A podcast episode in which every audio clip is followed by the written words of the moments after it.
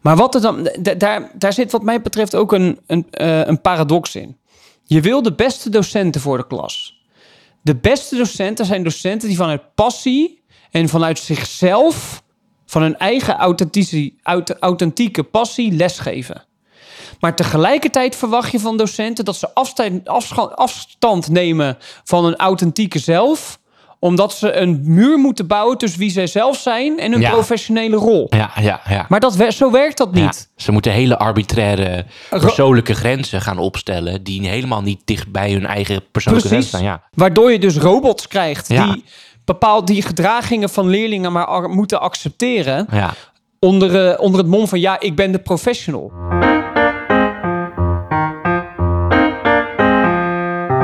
Een gesprek over maatschappelijke onderwerpen waar de mitsen, maren en nuances worden opgezocht. Mijn naam is Lars Bentin, ik ben bestuurskundige en schrijver. Ik ben Erik van der Plicht, docent maatschappijwetenschappen en socioloog. Welkom bij Gezwever, de podcast.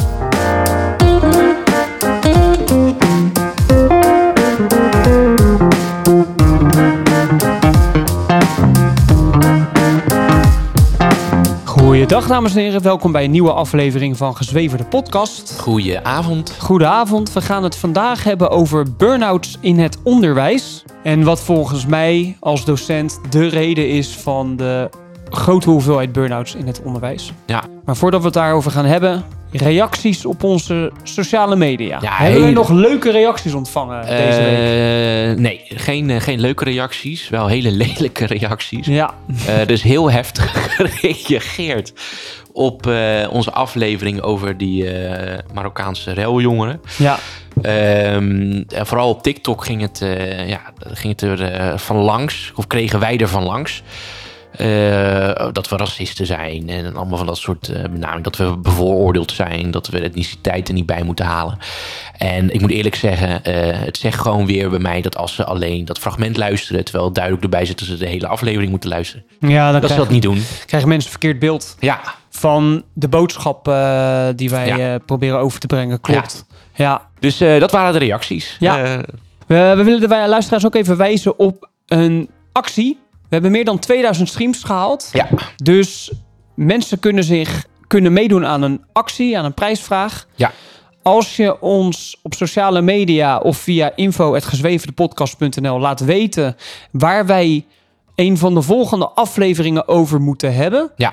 dan gaan we uit die inzendingen loten. En dan mag de winnaar van die loting mag aanschuiven bij de opname van de aflevering en mag dan meepraten. Ja, ja, er staat post op eh, sociale media erover. Eh, Ja. Daar doe ik er nog eentje. Eh, dus je kan reageren onder de post. Je kan een eh, privébericht sturen Precies. naar onze accounts. En dan gaan we loten welk leuk onderwerp eh, we gaan bespreken. En Ja. als de persoon die het heeft ingezonden en wil meepraten, dan eh, Ja. kan hij lekker aanschuiven. Precies. Oké, dus het onderwerp van vandaag. Burnout klachten in het onderwijs. Wij hebben een tijd geleden, vorig seizoen, een drieluik opgenomen over burn-outs. En dat zijn drie hele goede afleveringen geworden. Dus Ja. ik wil de luisteraars ook vooral aanraden ook die afleveringen te luisteren. Omdat in die afleveringen goed uiteen wordt gezet wat de oorzaken, gevolgen en oplossingen zijn voor Ja. burn-out. En vandaag wil ik het specifiek hebben over burn-out in het onderwijs. Want onderwijspersoneel heeft procentueel gezien het meeste burn-out klachten in Nederland. Als je kijkt naar de cijfers, dan heeft gemiddeld zo'n 25% van onderwijs, onderwijzend personeel last van burn-out klachten, ten opzichte van gemiddeld zo'n 16%. Ja, Dus dat is eh, flink meer dan eh, de rest van de samenleving. De Ja. beroepsgroepen eigenlijk. ik denk dat ook dat veel mensen dit niet 1, 2, 3 zien, eh, zien aankomen, dit cijfer. Dus vooral als je kijkt naar hoeveel mensen eigenlijk zeggen dat onderwijzers, eh, docenten meer eh, moeten werken. En ook vaak met het argument van ja, maar wat, wat moeten ze nou eenmaal doen? Ik bedoel, Ja, waarom werken ze part-time? En dat het dan toch zo'n hoog cijfer is, Ja. is wel echt eh, ja zeker. heftig. En de data die ik net noemde was trouwens, trouwens uit 2019. De nieuwe data uit 2021 was het 29,2% van docenten had last van burn-out klachten. Dat is bijna 1 op de 3. Ja, Terwijl dat bij andere beroepen een stuk lager ligt. Dus als wij het in Nederland hebben over onderwijskwaliteit, waar het de laatste tijd uh, regelmatig over gaat, in Ja. de media en in de politiek ook, omdat we zien dat de onderwijskwaliteit uh, al jarenlang aan het dalen is. Zo waren wij in 2008 nog een van de landen met de beste leesvaardigheid van Europa. En nu, terwijl nu dreigt laaggeletterdheid voor 25% van alle 15-jarigen in Nederland. En dat zie je, je ziet ook de resultaten bij andere kernvakken achteruit gaan. Dus ons onderwijs, de onderwijskwaliteit in Nederland wordt steeds minder goed. Ja.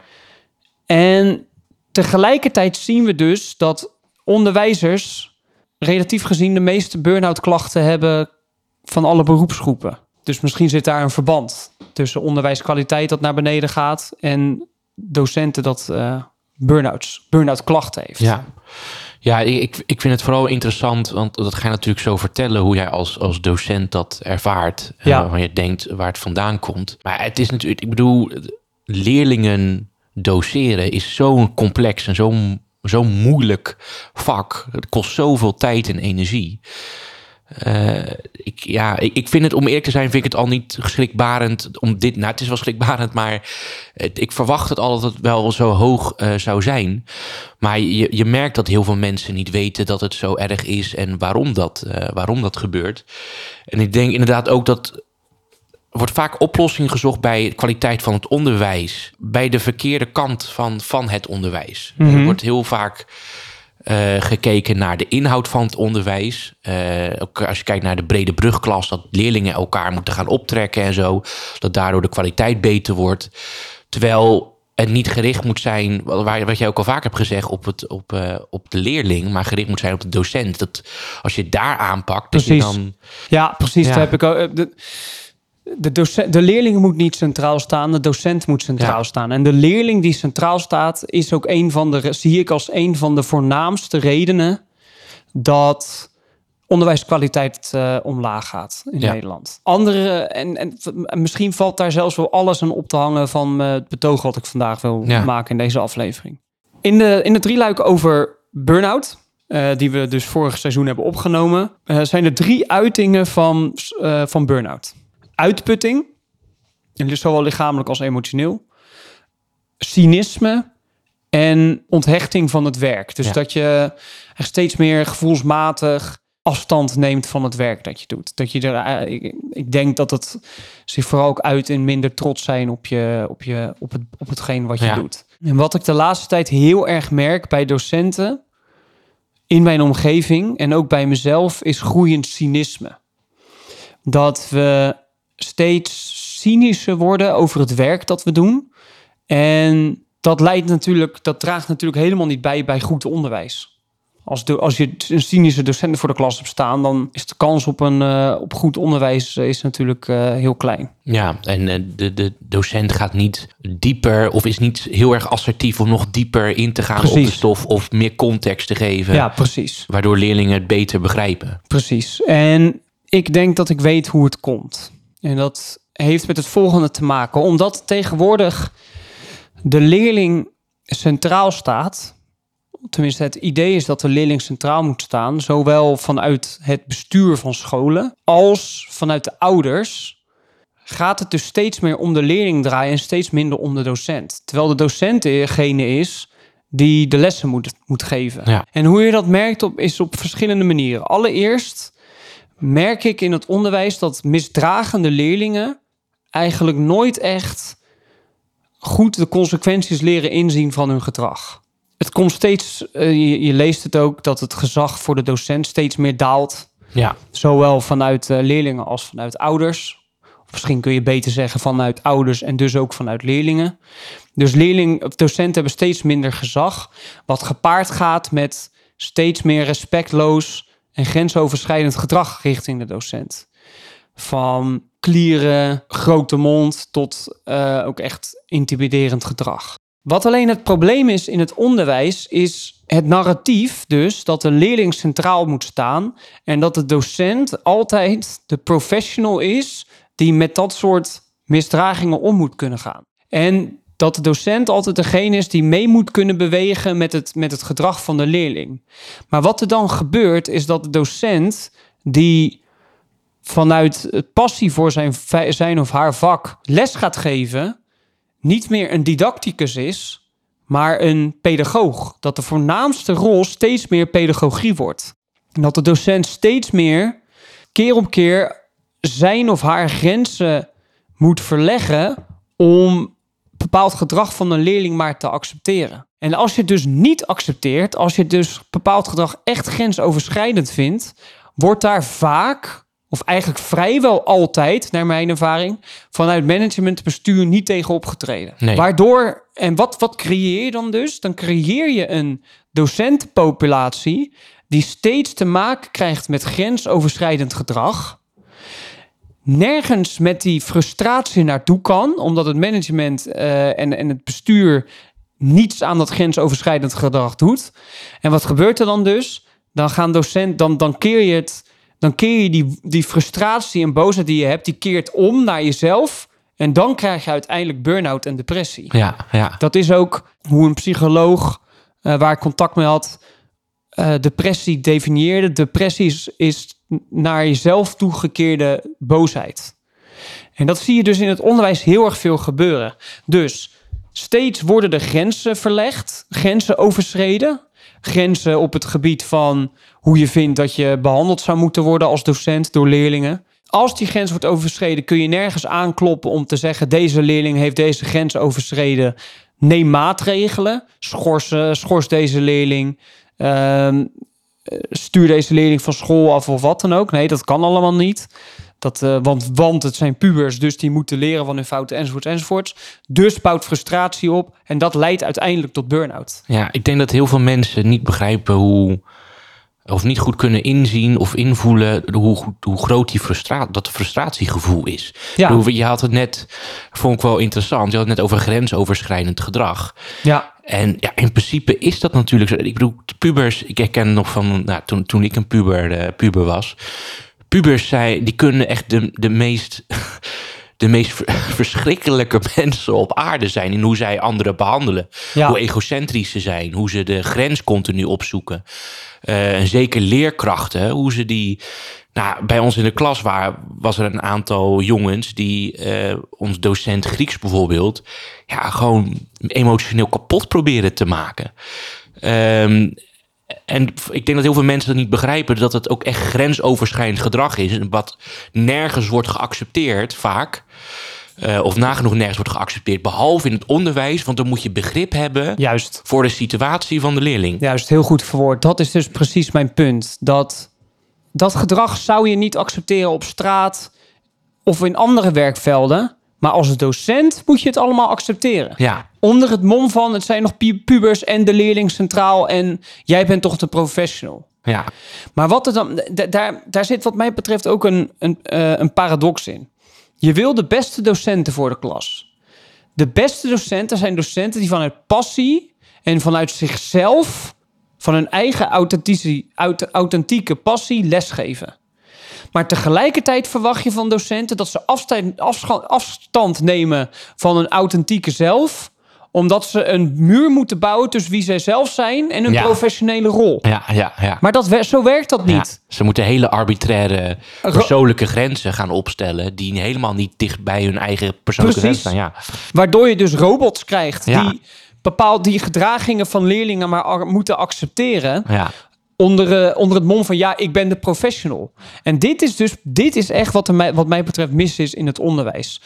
Dat wij gedrag van leerlingen accepteren, terwijl dat gedrag eigenlijk helemaal niet geaccepteerd zou moeten zijn. Nee, in de maatschappij zou die door de beugel kunnen... maar in, in Precies. het klaslokaal krijgt het ineens alle Precies. ruimte. Ja. Precies, en daarom heb ik ook een keer een artikel geschreven. Niet de leerling zou centraal moeten staan, maar de school. Ja. De school zou weer als institutie en als instituut moeten normeren, eisen stellen aan leerlingen en ook leerlingen veel sneller consequenties kunnen opleggen als ze zich Ja. misdragen. Ja. Maar wat is er tegenwoordig in het onderwijs het probleem? De leerling als klant Dat, wordt, dat, dat zijn ook echt uitspraken die worden gedaan. Dat is, de leerling is onze klant. Ja, Nou, ja, en wat moet je met klanten doen? Ja, klanten moet je toch. eh, wat overigens ook, ik, dat is ook een, dit is ook een, een idee dat ik heb, een theorie dat ik heb. Dat veel scholen bang zijn om een totaalverbod op de mobiele telefoon in te voeren, is omdat ze bang zijn dat ze leerlingen mislopen. ja, ja. Ja, dus de kwantiteit van het aantal klanten precies. dat ze dan eh, wel of niet zouden, zouden hebben, staat dan boven onderwijskwaliteit. Of de Precies. sfeer van de school. Ja, Precies. En wat daar ook nog eens een keertje bij komt kijken, is dat is de, de rol van ouders. Dat ouders steeds vaker de kant van de leerlingen lijken te kiezen. Ook op basis van eenzijdige verhalen van hun eigen kind. ja, En vervolgens daarmee de docent confronteren. ja. Wat ook weer frustratie oplevert bij de docent. Dus er is, een, er is eigenlijk een cultuurprobleem gaande. De docent heeft steeds minder gezag. De docent moet zich maar in alle hoeken en gaten wringen om, eh, om te kunnen gaan met misdragende leerlingen. En ouders dragen ook nog eens een keer bij, bij, bij aan dat klimaat ja. door de docent te confronteren met verhalen die hun zoon of dochter vertelt. Ja, ik, ik zit erover eh, over na te denken. En in principe is één subtiele verandering die hele heftige gevolgen kan hebben in die cultuur, is dat het voordeel van de twijfel, hè, wat heel klein lijkt, maar heel, hef, heel veel gevolgen kan hebben, grote gevolgen kan hebben. Het voordeel van de twijfel is omgeslagen van voordeel van de twijfel voor de docent naar voordeel van de twijfel voor goed. de leerling. Ja, zeker. En ja. dat, dat kan in elk fundamenteel sociaal contact tussen de leerling en de docent, kan het alles bepalend zijn. ja, Waardoor je als docent dus, dus niet alleen je alleen voelt in je eigen klas, maar ook in, in de, hele, Ja, de precies. hele organisatie. c- correct, correct.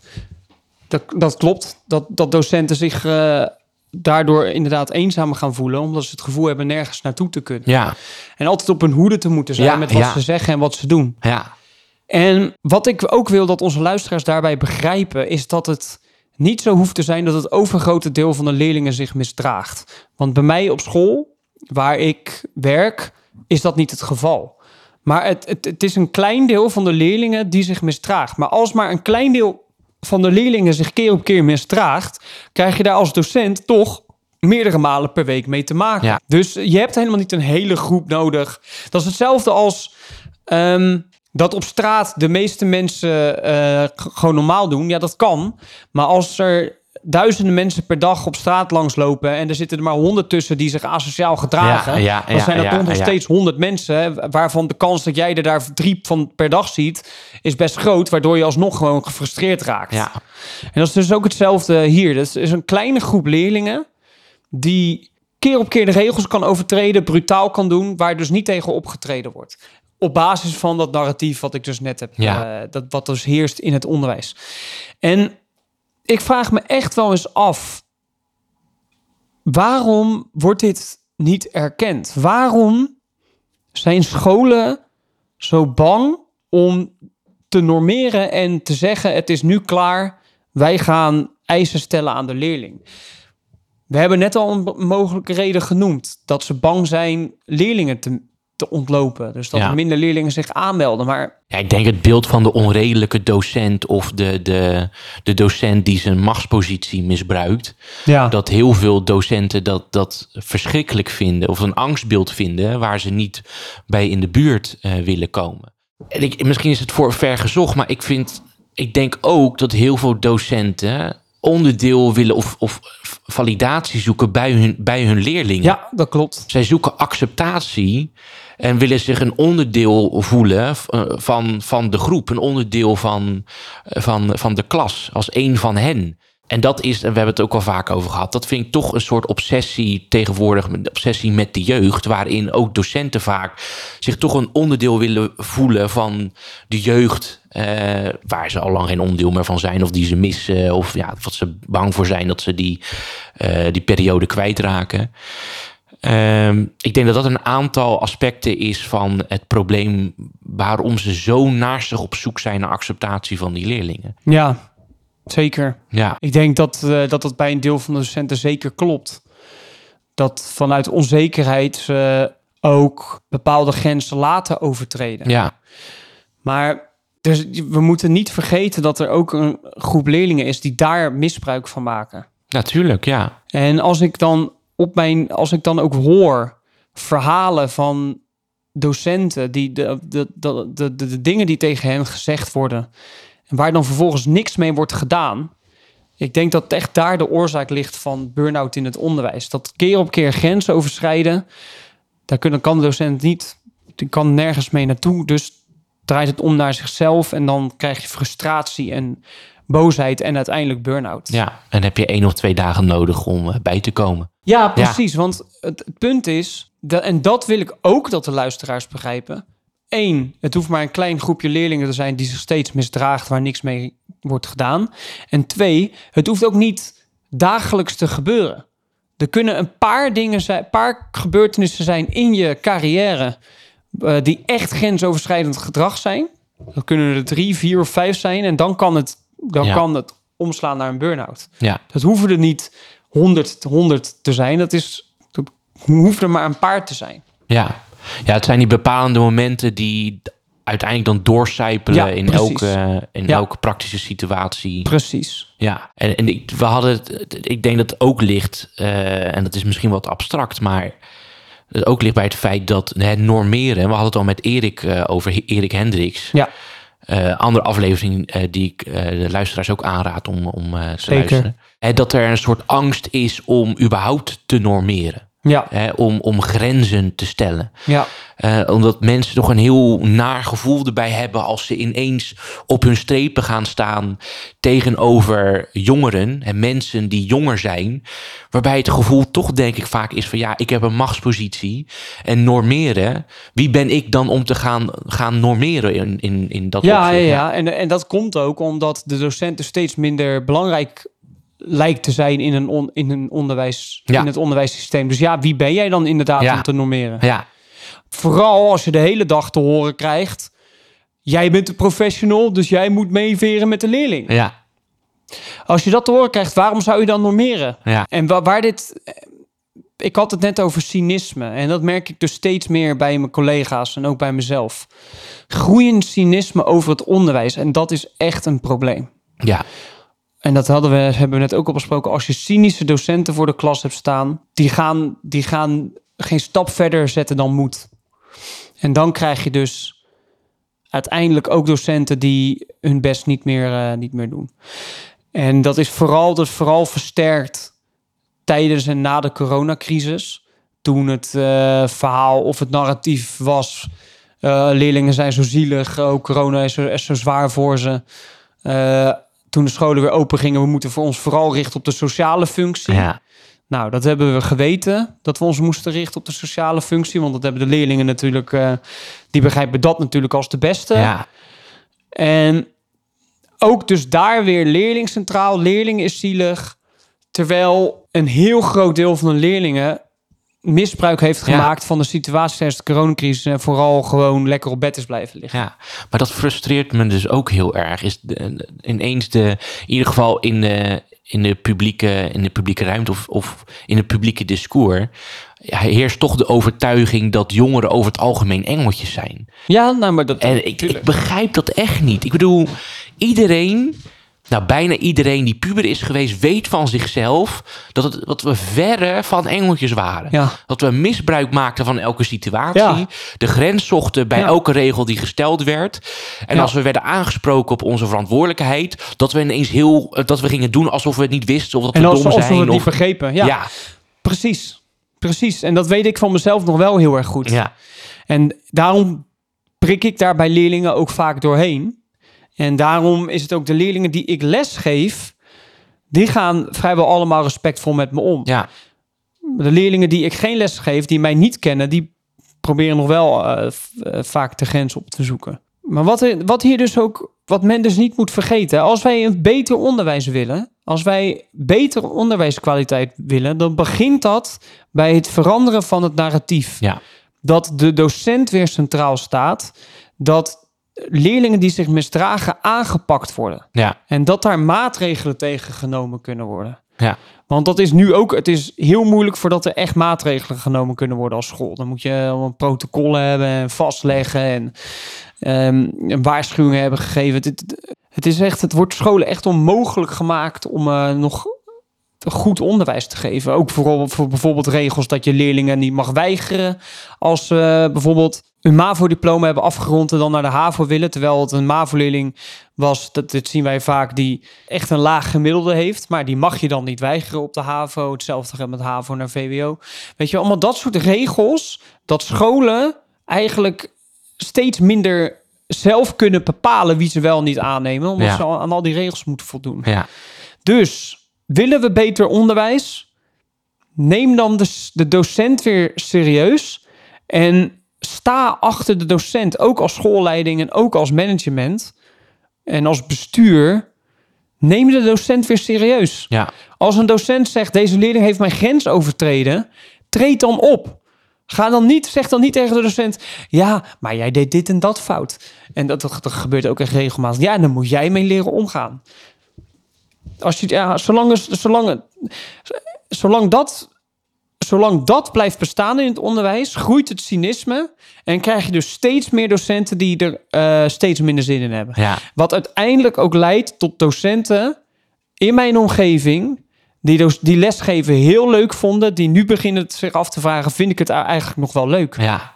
Ja, en wat ik, ik begrijp natuurlijk jouw positie dat je daar vooral de focus op legt. Maar wat ik schrijnend vind, is dus dat in de maatschappij dus vaak nog steeds wordt gezegd, want daar begon ik al over, ehm, dat docenten meer uren moeten maken, want dan is het lerarentekort eh Ja. opgelost. Ja, precies. Dat, die voltijdbonus. Ja, ja, ja, Precies. ja, ja. Maar dat, daar, daar hebben, ik, ik weet niet of we het daar al kort over hebben gehad. Maar wat je daar dus mee impliceert, is dat docenten voor de lol niet voltijd werken. Nee. Nee, het is niet ik. Hier hebben we het al over gehad. Ja, ja, ja. Ik werk niet voor de lol deeltijd. Ik werk omdat het anders gewoon niet vol te houden is. Dus Ja. je kan een voltijdbonus geven. Wat je moet doen, is de salaris in het onderwijs flink verhogen. Ja. De eisen voor docenten ook verhogen. Waarmee ik bedoel dat je goede docenten voor de klas hebt staan. Want er zijn ook echt slechte docenten. Ja. En dan bedoel ik vooral ook vakinhoudelijk en didactisch goede docenten. Ja. Maar tegelijkertijd dat docenten continu worden gesteund. Vanuit eh, in het werk dat ze doen. Ja. En dat ze dus niet hoeft te kampen met klassen met 33 leerlingen... waar eh, de helft zich misdraagt enzovoorts. Dat Ja. moet gewoon niet meer geaccepteerd worden. Ja, ja maar dat, voor al die mensen die dus denken dat je dus wel meer kan werken als docent, of dat het allemaal wel, wel meevalt. Ja. Je, bedoelt, je moet je gewoon bedenken dat je elke dag voor een aantal klassen staat met allemaal leerlingen in die daar over het algemeen niet uit vrije wil zijn, want ze hebben gewoon leerplicht. Ja. Ehm, dus aan zich niet willen leren vaak. eh, grenzen willen opzoeken, zitten te treiteren. En eh, wat je ook al zei, er zit nuance in. Er zijn ook genoeg leerlingen die gewoon willen leren en gewoon mee willen doen. Maar je hebt maar een, een, inderdaad een klein groepje Ja, in zo'n klas die continu... je hoeft, je hoeft maar een groepje van of een, een duo of drie leerlingen te hebben die ja, gaan kleren. En dan is de, de, Ja. dan is de les alweer verziekt. Ja, En daar kun je niks tegen. Daar Nee. kun je bijna niks meer tegen doen. nee, nee. Maar heb, je, heb jij, als jij dan voor, voor, de, voor de klas staat, want je hebt al vaker over de situatie verteld dat je eh, eh, in, in discussie met een leerling op een gegeven moment de leerling eruit hebt gestuurd, eh, die grenzen trok voor jezelf. Dus ik merk aan jou dat je wel probeert voor jezelf in ieder geval die grenzen heel Ja. erg goed aan te geven. Merk je dan in de praktijk dat je dat je dat gewoon kan, dat je dat gewoon kan doen, of dat je inderdaad continu moet gaan bewijzen waarom je het gedaan hebt en ehm, dat je daarin niet die vrijheid krijgt om zelf die grenzen te kunnen trekken. Ik moet zeggen dat ik er bijna, eh, no- eigenlijk nooit, bijna nooit meer iemand eruit stuur. Behalve aan het begin van het schooljaar om duidelijk te maken dat ik de baas ben. Dat, Ja. is, dat is ook echt een, dat is ook echt een, een klassenmanagement Ja. eh, middel, om het zo maar te zeggen. Maar dat heb ik absoluut in mijn carrière meegemaakt. Ja. Dat ik moest gaan uitleggen waarom ik bepaalde maatregelen heb genomen. En dat, dat is dus ook, dat is ook slopend. Ja, Want dan moet je keer op keer jezelf verantwoorden ten opzichte van de leerling of ouder of je eigen manager. ja. Dus Wat, dat heb ik zeker meegemaakt. ja. wat, dat zijn de typische vragen die dan worden gesteld als je jezelf moet gaan uitleggen. Aan wie? aan eh, een, een, eh, iemand in het management? Nou, de, de, de opmerking die dan gemaakt wordt is... of de vraag die gesteld wordt is... Wat heb, wat he, wel, hoe heeft jouw gedrag bijgedragen aan het gedrag van de leerling? Ja, En hoe kun jij daar als professional mee omgaan? ja. Dat is de vraag die dan gesteld Ja. wordt. Ja, dat is dus die voordeel van de twijfel die dus aan de leerling wordt gegeven Precies. dan. Ja. Ja, En dat precies. Ja. En wat je daardoor ook krijgt, is op scholen schildpaddengedrag. Ik las op LinkedIn paar dagen geleden een artikel. eh, dat was een opinieartikel volgens mij. Een trouw over, van twee docenten die pleiten voor een landelijk smartphoneverbod op scholen. Waarom? Zij gingen eigenlijk tegen het argument in van dat kan de docent toch zelf bepalen omdat ze erachter kwamen, of omdat ze, ze redeneerden, beredeneerden, en dat zie ik trouwens ook op mijn eigen werk, dat je altijd een docent hebt, of een paar docenten hebt, die dus niet meedoen aan het smartphoneverbod. ja, Of überhaupt aan iedere schoolregel die er is. Je spreekt met een team regels af. Dan zijn er altijd collega's, docenten, die zich niet aan die regel houden. nee. Eh, en trouwens, ik moet niet zeggen dat ik, ik moet niet doen alsof ik wel altijd aan alle regels hou. Nee, dat is niet zo.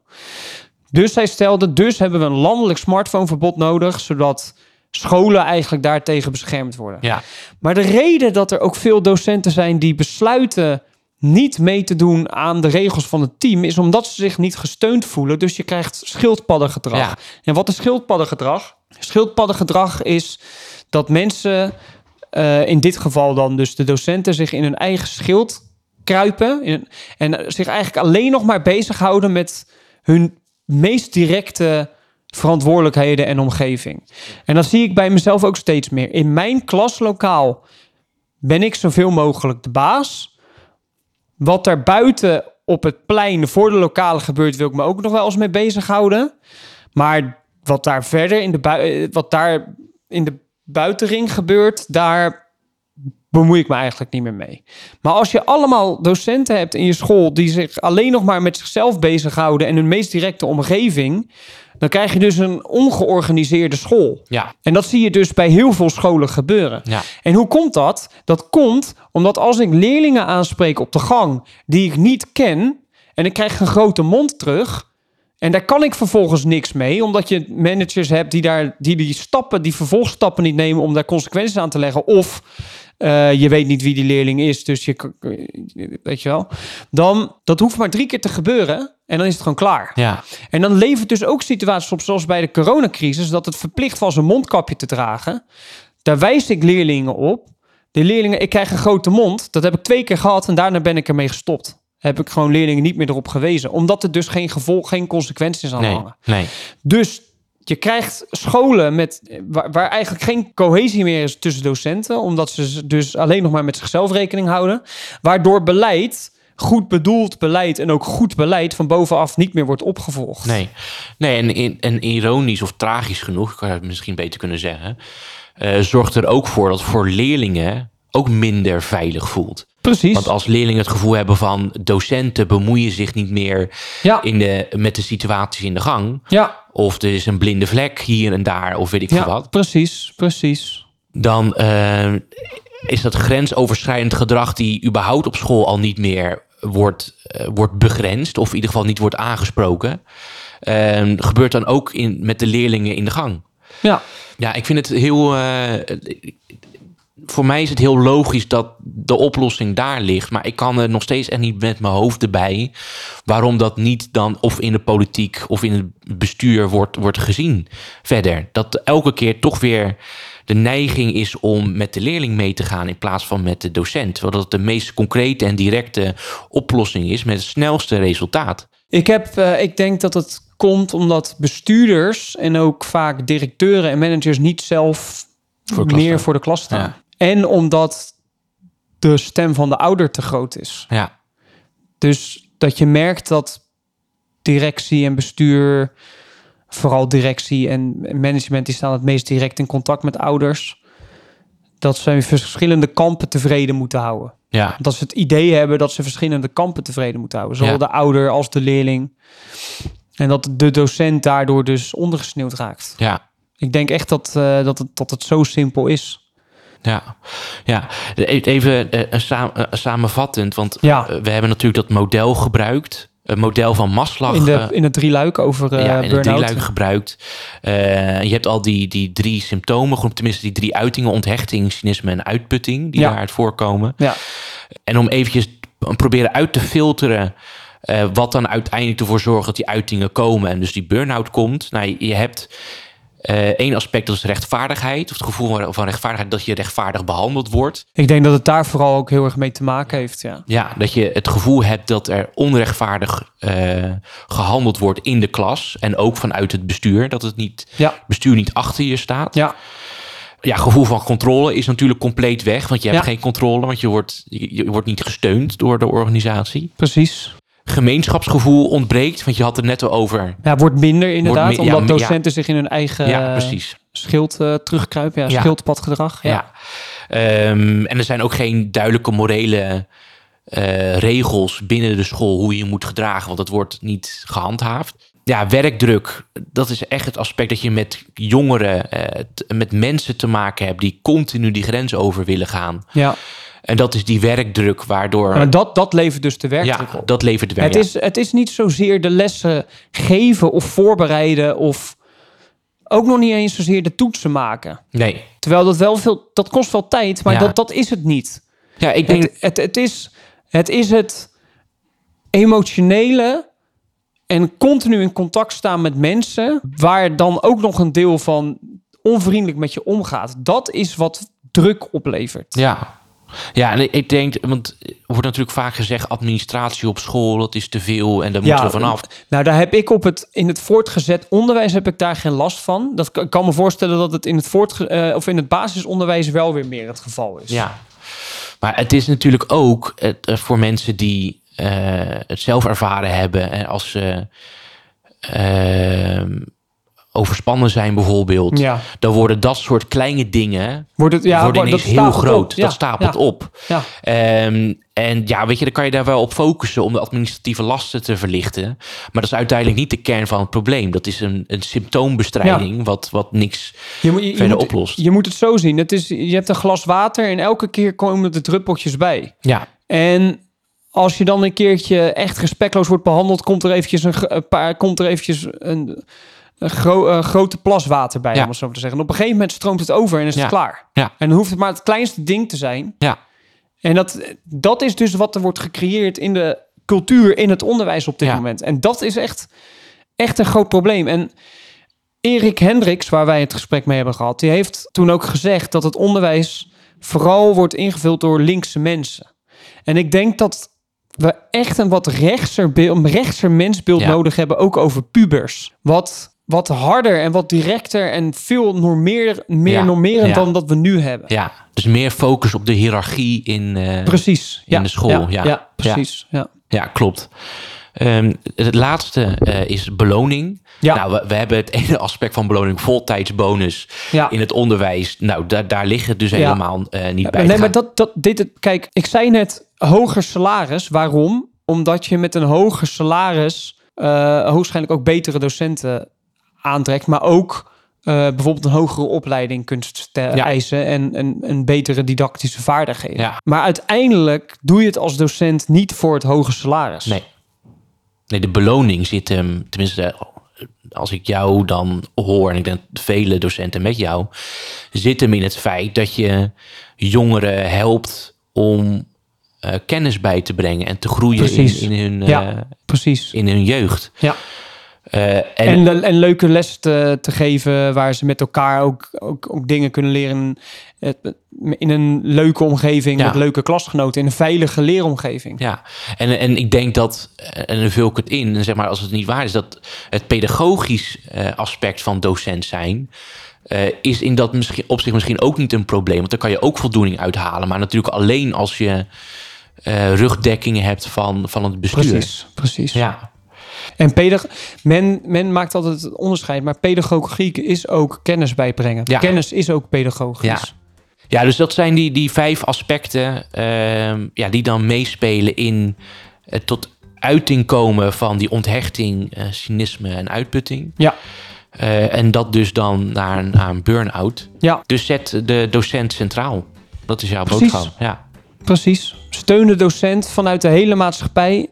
En de, alleen dan zullen het aantal burn-outs in het onderwijs verminderen en de onderwijskwaliteit ook verbeteren. Want je moet ook bedenken, wie, als je dit soort cijfers hoort. 29,1% van de docenten die ervaart burn-out klachten. Waarom Ja. zou je dan nog in godsnaam nog in, Ja. in het onderwijs gaan? Ja. Ja. Wetende dat je minder gaat verdienen. Dat je, dat je, dat je, dat je, dat je emotioneel, dat emotioneel heel zwaar is. Ja. Dat, moeten, dat moeten mensen meer gaan beseffen. Ja. Dankjewel. Ik zie je volgende week weer. Zie je volgende Dankjewel. week. Joep. Joep.